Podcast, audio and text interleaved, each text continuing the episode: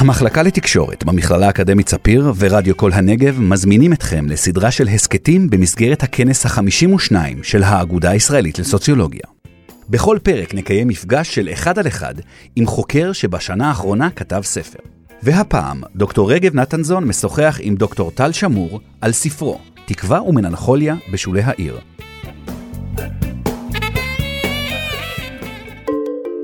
ההטרוסקסואלית הקבועה פועלת גם על נשים שחיות בשולי הפטריארכיה. גם הן שחוו פגיעות נוכח יחסי השידוך, נוכח נישואי הילדות, נוכח הפרשה של חטופי תימן. הצעקה הזאת שלובה עם הפגיעות הזאת והמלנכוליה שדיברתי קודם, כי אם אתה צועק צועק ושום דבר לא משתנה, אז אתה יכול להיות שאתה תקצין את הצעקה שלך, אבל זה הרבה פעמים מחדד את הפגיעות שאתה נמצא בה, כשאף אחד לא שומע אותך. אהלן טל. היי. תודה רבה שהסכמת אה, להתארח אצלנו בפודקאסט עם אה, מחברים של ספרים שיצאו בשנה האחרונה. אה, אני ממש שמח לקיים את השיחה הזו איתך. דוקטור טל שמור, אנתרופולוג ומשורר, חשוב להוסיף, אה, וכיום פוסט-דוקטורנט בקיימברידג', ואנחנו נדבר על הספר שיצא בשנה האחרונה, תקווה ומלנכוליה בשולי העיר, אתניות, מרחב ומגדר בשכונת התקווה בתל אביב, הרצאה של אוניברסיטת חיפה והוצאת פרדס. אני אתחיל ואומר שבעיניי זה ספר ממש אה, מרתק, הוא גם הוא עשיר מאוד בפרטים, הוא אנושי, הוא רגיש, והוא גם uh, כתוב בצורה שהיא מאוד uh, מעניינת לסוציולוגים, לאנתרופולוגים שמתעניינים במרחב, בעירוניות, בזהות, ואתה גם מוסיף עוד כמה ממדים שתכף ניגע בהם של uh, מלנכוליה וגם של תקווה. אני רוצה פחות או יותר שנמסגר את השיחה הזו, אני אגיד לך על מה נדבר ואיך הולך להיות מהלך השיחה ו- ונתחיל. אני רוצה שתתחיל קצת תספר על הכניסה שלך לשדה. ואני אבקש ממך אולי להקריא אחד מהשירים שלך.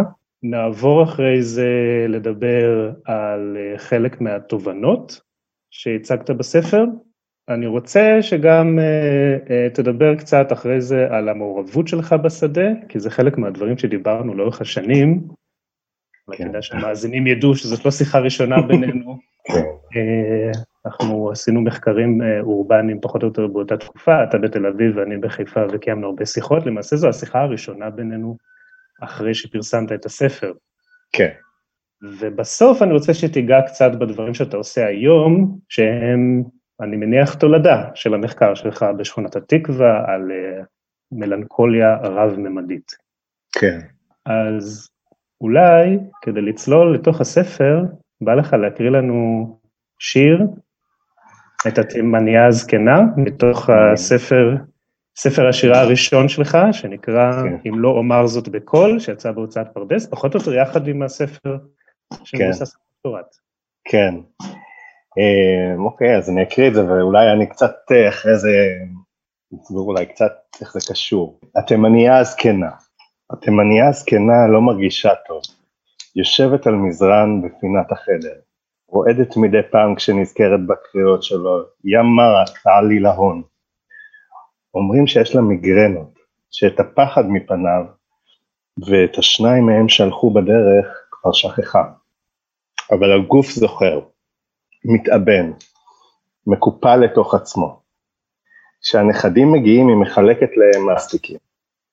אחד מתיישב לידה, מביט בה בעיניים בורקות. אם יורשה לי, אני גם מכיר את השיר הזה, ואחרי קריאת הספר, אפשר להבין מי הם, מי הם הדמויות. כן. אתה רוצה אה, להרחיב? כן. אז uh, בעצם אחד האתרים הראשונים, ש... וזה גם קשור לשאלה שלך לגבי הכניסה לשדה, אחד האתרים הראשונים שהכרתי uh, בשכונה היה בעצם בית הקשישות. וכבר מרגע שנכנסתי לבית הקשישות הרגשתי איזושהי תחושה של שייכות אה, לאותן אה, תושבות ותיקות, הרבה מהן אה, נשים תימניות, כי שכונת התקווה יש הרבה תושבים ותיקים מתימן, מעיראק ומפרס, שעברו לשם בשנות החמישים, והנשים התימניות ממש ישבו בשולחן נפרד אחת עם השנייה, והם התלבשו באופן שמאוד דומה, שהוא מאוד הזכיר לי את סבתא שלי. עם ההתנדבות האינטנסיבית שלי בבית הקשישות, שכללה גם שיחות ככה אקראיות איתם, גם עזרה במטבח בהגשה של האוכל וליווי בכלל בפעילות שלהם במועדון, למדתי להכיר אותם יותר וזה עזר לי גם לחשוב על יצירה של קבוצה אולי שתספר את הסיפור שלהם. ככה מתוך השראה גם אנתרופולוגית מאוד מפורסמת שקוראים לה ברברה מיירוף מהספר שלה Number Our Days שעסק בסיפורי חיים של קשישים ממזרח אירופה שהיגרו לארצות הברית והקימה שם איזושהי קבוצה של סיפורי חיים שמספרת את הסיפור שלהם, אני החלטתי שאני רוצה גם להקים קבוצה כזאת בשכונה, והקבוצה הזאת כללה את ה, הרבה מהנשים, בין 8 ל-12 נשים הגיעו בקביעות במשך שמונה חודשים, רובן תימניות אבל לא רק, והנשים האלו סיפרו גם את הסיפור שלהם, שכולל בעצם סיפורים לא פשוטים על הגירה, מהמדינות המוסלמיות שהם הגיעו לישראל, פגיעות במערכות היחסים, נישואי שידוך עם פערים מאוד מאוד גדולים עם בני הזוג, נישואי ילדות, אה, משהו שהיה מקובל אה, תרבותית אה, בתוך הקהילה, ועד הפגיעות בפרשת חטופי תימן, כן, שהרבה נשים, נשים מסוימות חשפו שהם גם חברו בעצמם או בני משפחה קרובים, וזה היה אה, איזשהו שיח שהיה מאוד אה, דומיננטי בקבוצה, ועד היום כשבעצם השכונה מאוד מאוד השתנתה, אה, והן חוות פגיעות שהיא נובעת גם מהמצב הבריאותי שלהם, גם מהבדידות בתוך משק הבית, כי אם הם התחתנו בנישואי שידוך בפערים משמעותיים, אז הם בעצם אלמנות הרבה מאוד שנים, כן, והילדים עזבו את הבית, אז יש איזושהי, איזשהו ואקום שנוצר בתוך הבית הפרטי, שכולל בדידות ובריאות רעועה, אה, יחד עם ההשתנות של השכונה, כן, שהרבה מהתושבים הוותיקים עזבו והם בעצם, השכונה התמלאה אה, במהגרים ופליטים מסודאן ומאריתריאה, שהן תופסות אותם כזרים, והן אה, מרגישות גם חוסר ביטחון להסתובב במרחב. שכונת התקווה הייתה עבורם סוג של בית, למרות שגם היה בה גם פשע וגם סמים, אבל הם עדיין הם הכירו את, ה, את התושבים, הם הכירו את השכונה וגם הם נעזרו אחד בשני בשביל להתמודד עם הקשיים והיום התחושה הקולקטיבית של העזרה ההדדית ושל התחושה שייכות היא, היא, היא נפגעה בעקבות ההשתנות של השכונה, בעקבות ההגירה הגלובלית. אמ, אז אלה, וניסיתי דרך הקבוצה הזאת לקשור בין הביוגרפיה של האנשים לביוגרפיה של המקום, כי כמו שהראיתי עכשיו יש קשר בין הדברים. כן, אני חושב שהמשפט האחרון הוא, הוא, הוא הקריטי כדי להבין את האופן שבו אתה עושה את הדברים, ואתה עושה את זה מאוד uh, יפה, אני חושב שזו עבודה מאוד uh, נדירה מבחינת ההתבוננות, על, uh, שוב, שוב, מאוד רגישה, בביוגרפיות של, בעיקר של נשים מבוגרות, ודרכן לספר את הסיפור של השכונה, שלמעשה מתחיל מ-1935 ונמשך עד היום. גם איך הן מספרות את. העבר שלהן שם, את ההגירה שלהן לשכונה, את הקשר שלהן, את הזיכרונות שלהן עם תושבי המקום, גם התושבים הערבים שגרו בשכונה עד 1948, אחרי זה היחסים החברתיים, הסטיגמות על השכונה, ההתמודדות עם הסטיגמות, גם עם דברים כמו שציינת, עם אה, סמים והימורים וכולי, עם יחסים פטריארכליים בתוך השכונה, ועד היום עם אה, גלי ההגירה וההתמודדות עם אנשים חדשים שנכנסים לשכונה ואיך אה, תחושה של בדידות הולכת וגואה. ואת כל זה, ואני רוצה שנגיע קצת לרובד היותר תיאורטי, אתה, אתה ממשיג בצורה אה, חדשה, מקורית, וקושר בין מושגים שלמעשה עד עכשיו היו מנותקים בספרות. אתה קושר בין מלנכוליה מרחבית למלנכוליה אתנית למלנכוליה מגדרית. אז אולי תסביר לנו ממש אה, בקצרה מה זה מלנכוליה מפרספקטיבה של מדעי החברה, איך, איך זה בא לידי ביטוי, אתה קצת נגעת בזה בסיפור של, של אנשים מזקנות שתיארת קודם, וגם תסביר לנו מה עולה מתוך הרב-ממדיות הזו, מה זה, איך זה נראה, מה זה עושה. כן, אז קודם כל אני אגיד בעצם שהמושג מלנכוליה זה מושג ששוב מעולם הפסיכולוגי, שבעיקר מזוהה עם פרויד, כן, שמתאר איזשהו תהליך של אובדן של סובייקט או של רעיון או איזשהו אה, תהליך של אידיאל מסוים ותהליך של אובדן שהוא לא הושלם, אז יש איזה שהן תחושות אה, אמביוולנטיות כלפי הסובייקט עצמו, שהאובדן, שהעיבוד של האובדן שלו בעצם לא הושלם.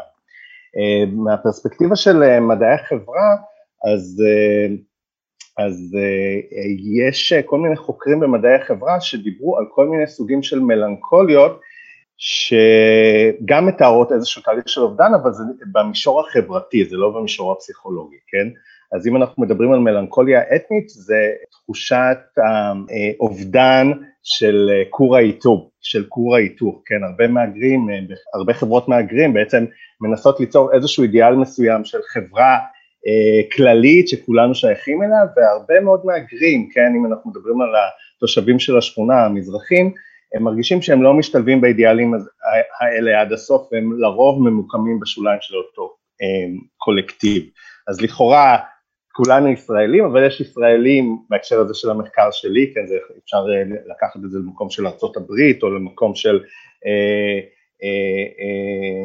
הודים באנגליה, או בכל מקום אחר, שאנשים שכביכול הם חלק מהקולקטיב, השתלבו, אבל הם עדיין נותרים בשוליים, הם לא השתלבו עד הסוף, וזה יוצרת איזושהי תחושה כזאת של מלנכוליה של אובדן, שאתה לא מצליח לגלם את האידיאלים של התרבות המרכזית. ואתה, סובא, ואתה חווה איזושהי פגיעות מהזהות שלך, כן? אז המלנכוליה האתנית, אה, כשאני מדבר על שכונת התקווה, אני מדבר על התחושה של העצב הנוצרת אצל התושבים המזרחים האלו שהם מבינים שהם ממוקמים בשולי החברה הישראלית, כן, שהם לכאורה אזרחים ישראלים שווי זכויות, אבל הם בעצם ממוקמים בשוליים של החברה והם לא מצליחים לגלם את האידיאלים. והתופעה שהיא אה, מאוד אה, חזקה אה, אצלם היום זה הנושא של הריבוי של המהגרים והפליטים שזה מחדד עבורם את זה שהם נמצאים בשוליים, למה הם הגיעו דווקא אלינו, כן?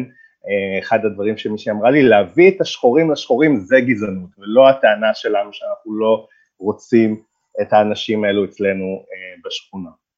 אז המלנכוליה, אה, זו המלנכוליה האתנית, כן? והמלנכוליה המרחבית זאת מלנכוליה שזה מושג של יעל נברו, יעל נברו שהיא דיברה על אה, תחושת האובדן הנוצרת בעקבות חוסר. במרחב, הנה מצויה במרחב, בעקבות חוסר היכולת להתאבל על קהילת אויב, כן?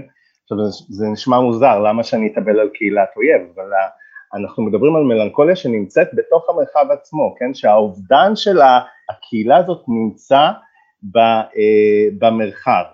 אז אה, כשאנחנו מדברים על התושבים של שכונת התקווה, אנחנו מדברים בעיקר על הקהילה הפלסטינית ב-48, ששכונת התקווה בעצם הייתה איזושהי שכונת אה, חיץ קרובה לסלמה, אה, הרבה מהתושבים של שכונת התקווה גם השתתפו במחתרות, כן, והם אפילו לקחו חלק במעשה הביזה שהתקיימו בסלמה, ואנחנו יכולים לראות את השיירים של אותה קהילה במרחב, אם זה בארות שנמצאים בשכונה עצמה, ואם זה בנרטיבים של אנשים שהן מספרות על, על, על, על, על זה שבעצם הקהילה הזאת, הם, עד 48' הם חיו בעצם בשכנות ובקרבה, כן, ויש איזשהו תהליך של אובדן של הקהילה הזאת, שבסך הכל יש איזשהו דמיון תרבותי אה, בינה לבין תושבי שכונת התקווה כתושבים שהגיעו בעצם ממדינות מוסלמיות ויש איזושהי קרבה לשונית ותרבותית אה, לאותו, לאותה אה, קהילת,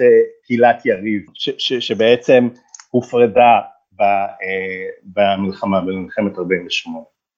עכשיו הביטוי המרחבי היום, ואני גם אגע פה בחיבור להקשר המגדרי והאתני כמו שהוא בא לידי ביטוי באופן שהוא שלוב יחד בשכונה היום, אה, אה, זה גם התחושת האבל נוכח המרחב שהשתנה, כן? בעצם אני אומר שהמרחב המלנכולי הוא לא רק באובדן של קהילת אויב, אלא גם באובדן של המרחב הבטוח והמרחב שמבטא איזושהי תחושה של שייכות בקרב אותם, בעיקר אה, בקרב התושבים הוותיקים והנשים המבוגרות בפרט. ובהקשר המגדרי אנחנו יכולים לראות שאנשים בעצם אם אנחנו מדברים על מלנכוליה מגדרית, אז מלנכוליה מגדרית, אז ג'ודית באטר התייחסה לזה כאיזשהו, אה, אה, כמושג שמתייחס לאובדן של הזדהויות הומוסקסואליות תחת תרבות של הטרוסקסואליות כפויה, זאת אומרת שבעצם בתרבות שמקדשת את ההטרוסקסואליות, אין ביטוי בעצם, או הביטוי הוא לא מלא ליחסים הומוסקסואליים שנמצאים בשוליים של התרבות, כן? היא דיברה על זה גם במונח של האובדן של בני זוג נוכח מגפת, נוכח מחלת האיידס בארצות הברית, אז לכאורה אם אין ביטוי לקשרים זוגיים, הומוסקסואליים, אז לכאורה גם אם יש לי, אם חוויתי אובדן של בן זוג אז זה לא מקבל הכרה, כי בעצם זה לא אמור להיות קיים בתרבות או זה לא מוכר תרבותית. אז אני בהקשר הזה, בהקשר שלי כאנתרופולוג הומו שחקר בשכונה, אז אני בהקשר הזה חוויתי את המלנכוליה המגדרית בכך שבעצם אה, לא יכול, לא הרגשתי, זה לא מדויק להגיד שלא יכולתי, אבל לפחות אני לא הרגשתי שאני, אה, שכדאי שאני אחשוף את הזהות המינית שלי, שמא אנשים יחששו לשתף אותי פעולה, או, או, או שהם אה, שימו אותי בתור עמדה, בעמדה של המוקצה, יחשבו שאני מוזר או כל הדברים האלה, וזה בעצם הפנמה, הפנמה של אותם אידיאלים של התרבות ההטרוסקסואלית, וזה לווה גם בכך שבעצם אנשים הם התפיסה שלהם בנוגע למשפחה היא תפיסה מאוד מאוד שמרנית, כן? ואני הסתרתי את זה הרבה מאוד זמן, את הזהות המינית, ורק לקראת הסוף אני בעצם חשפתי את, ה, את הזהות הזאת שהגעתי לבקר אה, אה, בבית הקשישות, וזה היה מאוד משמעותי הצד הזה של החשיפה, גם אם אנחנו מדברים על אנתרופולוגיה מעורבת, כן, גם על איזושהי תפיסה של ניסיון, לשנות ולהכיר, כן, את הזהות המינית הזאת, או להתנגד לערכים של ההטרוסקסואליות הכפויה, אבל גם זה גרם לי לחשוב שעל הקשר ביני לבין אנשים, שבעצם ההטרוסקסואליות הכפויה לא פועלת רק עליי כאנתרופולוג הומו, אלא גם דרך קישור תיאורטי שניסיתי לעבודה של אדריאן ריץ' על הקיום הלסבי וההטרוסקסואליות הכפויה, שבעצם ההטרוסקסואליות הכפויה פועלת גם על נשים שחיות בשולי הפטריארכיה, כן? אנחנו לא מדברים רק על אה, נשים שחוות אה, אהבה לסבית, אלא על אה, נשים, גם על נשים הטרוסקסואליות שבעצם חוות את אותה פגיעות נוכח אותם ערכים של הפטריארכיה, כן? כך יכולתי לדבר גם על הפגיעות, על המלנכוליה שנוצרת אצל אותם נשים, כן? לא רק שלי כגבר הומו שצריך להסתיר, שאני מאבד איזשהו פן של הזהות שלי, אלא גם הן שחוו פגיעות נוכח אה, יחסי השידוך, נוכח אה, נישואי הילדות, אה, נוכח הפרשה של חטופי תימן, כן, אם אני חוזר עוד פעם על הפרשה הזאת, כי זה בעצם שילוב, אם אני רוצה לקשר בין הסוגי המלנכוליה השונים, זה שילוב בין בכלל, אנשים עם מבוגרות הם סוג של, הם סובייקט שמשלב את כל סוגי המלנכוליה, כן, כי בעצם, למשל אם אני מדבר על פרשת חטופי תימן, אז יש פה ביטוי גם למלנכוליה מגדרית, כן, כי זה איזושהי פגיעות שנובעת מיחסי מגדר, כן, שהם אה, בעצם, הפרשה הזאת היא עדות לזה שהם לכאורה לא נחשבו לאמהות מספיק טובות, כן, אה, או שהם ניצלו את הפגיעות שלהם כאימהות מזרחיות שחיות בשוליים, וזה גם ביטוי לזהות המזרחית שלהם, כן, כמובן כי, אה, כי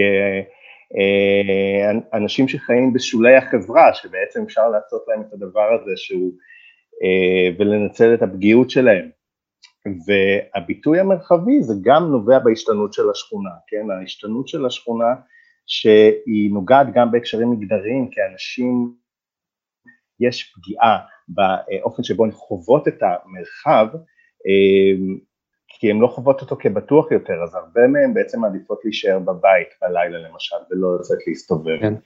אמ, וזה אמ, קשור למגדר, כן? כי הרבה מהמהגרים הם מהגרים גברים, זאת אומרת, היו אה, פגיעות ותקיפות של נשים על ידי מהגרים, אבל זה אפילו לא הדבר המרכזי, אלא תחושת הביטחון, כן, במרחב.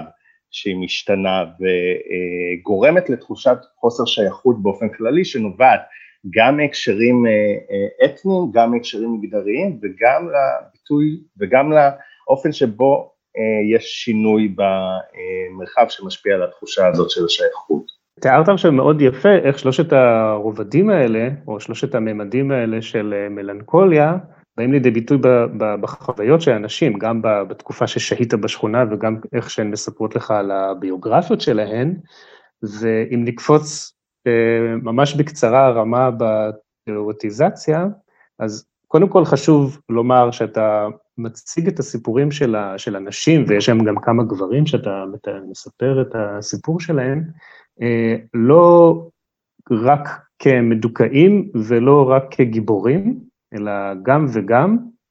אה, ואני חושב שאחד הדברים שעולים ככה לאורך הספר, לאורך המחקר שלך, זה שמלנכוליה נוצרת אה, מכל מיני גורמים, כלומר, יש כל מיני סוכנויות שמייצרות את המלנכוליה, והמלנכוליה בעצמה מייצרת כל מיני תופעות חברתיות. והגורמים של המלנכוליה, לפעמים הן הדמויות עצמן שסובלות ממנה, או השכנות שלהן. אה, כשאתה מדבר על המלנכוליה המגדרית למשל, שאתה חווית, ההטרונורמטיביות הזו נוצרת על ידי תושבי השכונה. המלנכוליה המרחבית בין השאר נוצרת גם על ידי הסוכנים, של, על ידי תושבי השכונה עצמן, שהם אחרי זה גם סובלים ממנה, הבדידות, שהיא נלווית להפקרה של המדינה, את השכונה, את האזור הזה ואת הדמויות הללו בגלל האתניות שלהם. אחד הדברים הנוספים שעולים אה, מהספר, ופחות נמצאים בניתוח של מלנכוליה, זה מה המלנכוליה עושה. ואתה מתאר המון סיטואציות של תושבים ותושבות, הרבה תושבות כי זה הדגש המחקרי שלך, שהופכות להיות פעילות, שהן משנות את המציאות של עצמן, של החיים שלהן בשכונה. גם בהקמה של אה, כל מיני אה, יוזמות לעזרה הדדית, ועד אה, הפגנות, כמו הפגנות שגם אתה סיקרת, או היית חלק מהתיעוד שלהן בשנים האחרונות, כשהשכונה הפכה להיות מוקד משיכה לפליטים.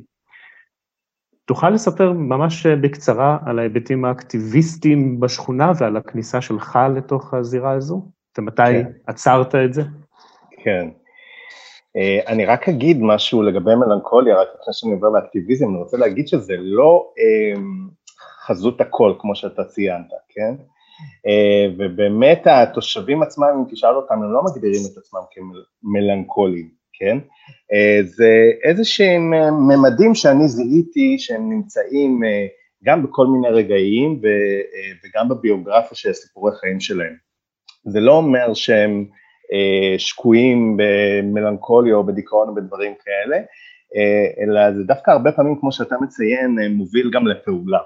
עכשיו, הנושא של הפעולה, קודם כל היה מאבק, כן, של תושבי שכונת התקווה כנגד ההשתנות, וזה לא מאבק נגד המהגרים והפליטים עצמם. זה נכון שהיו במאבק הזה גם קריאות גזעניות, אני שמעתי את זה, אבל זה לא היה העיקר, אלא העיקר הזה, זה היה, הייתה איזושהי צעקה, כן, אה, בשביל שישמעו את הקול שלהם, והצעקה הזאת שלובה עם הפגיעות הזאת והמלנכוליה שדיברתי קודם, כי אם אתה צועק צועק ואף אחד, ושום דבר לא משתנה, אז אתה יכול להיות שאתה תקצין את הצעקה שלך, אבל זה הרבה פעמים מחדד את הפגיעות שאתה נמצא בה. כשאף אחד לא שומע אותך, אה, או שדברים לא באמת משתנים. אה, אה, אז, אבל כן יש משמעות, כמו שאתה אומר, לאקטיביזם והניסיון לשנות, ואני חושב שזה גם מחדד את התחושה העמוקה של השייכות שהתושבים עדיין מרגישים למקום. יש להם התקשרות רגשית, למקום שהוא שלוב בצורה מאוד מאוד חזקה בזהות שלהם. וההפגנות הרבה פעמים זה אה, מרגיש או נראה כמו משהו לעומתי, אבל אה, בעצם הדברים שגם ניסיתי להראות, אה, זה גם את החיי היום-יום, ובחיי היום-יום יש גם את, ה, את הזיכרון או את, ה, או את הפרקטיקות של העזרה ההדדית, וכל מיני אנשים שבעצם אה, מעין רשת כזאת של תמיכה ונתינה אחד לשני, כן?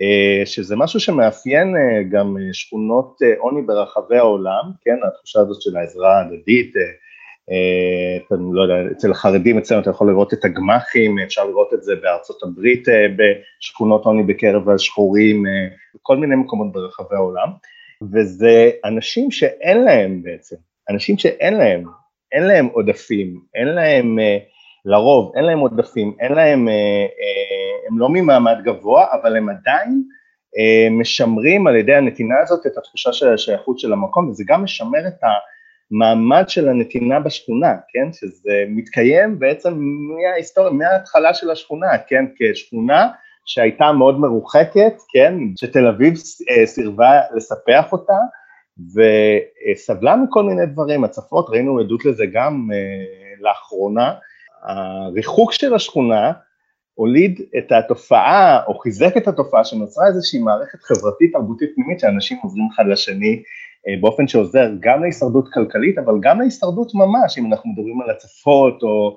או, uh, או עוני, או אפילו, אתה יודע, אנשים שמגיעים לרעב, דברים כאלה.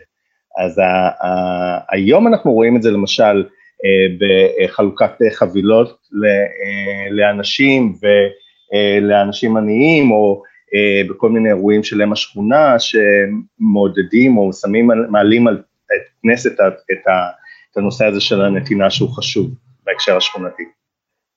טל, אני רואה שזמננו תם, אפשר להמשיך לשוחח עוד אה, שעות. כן.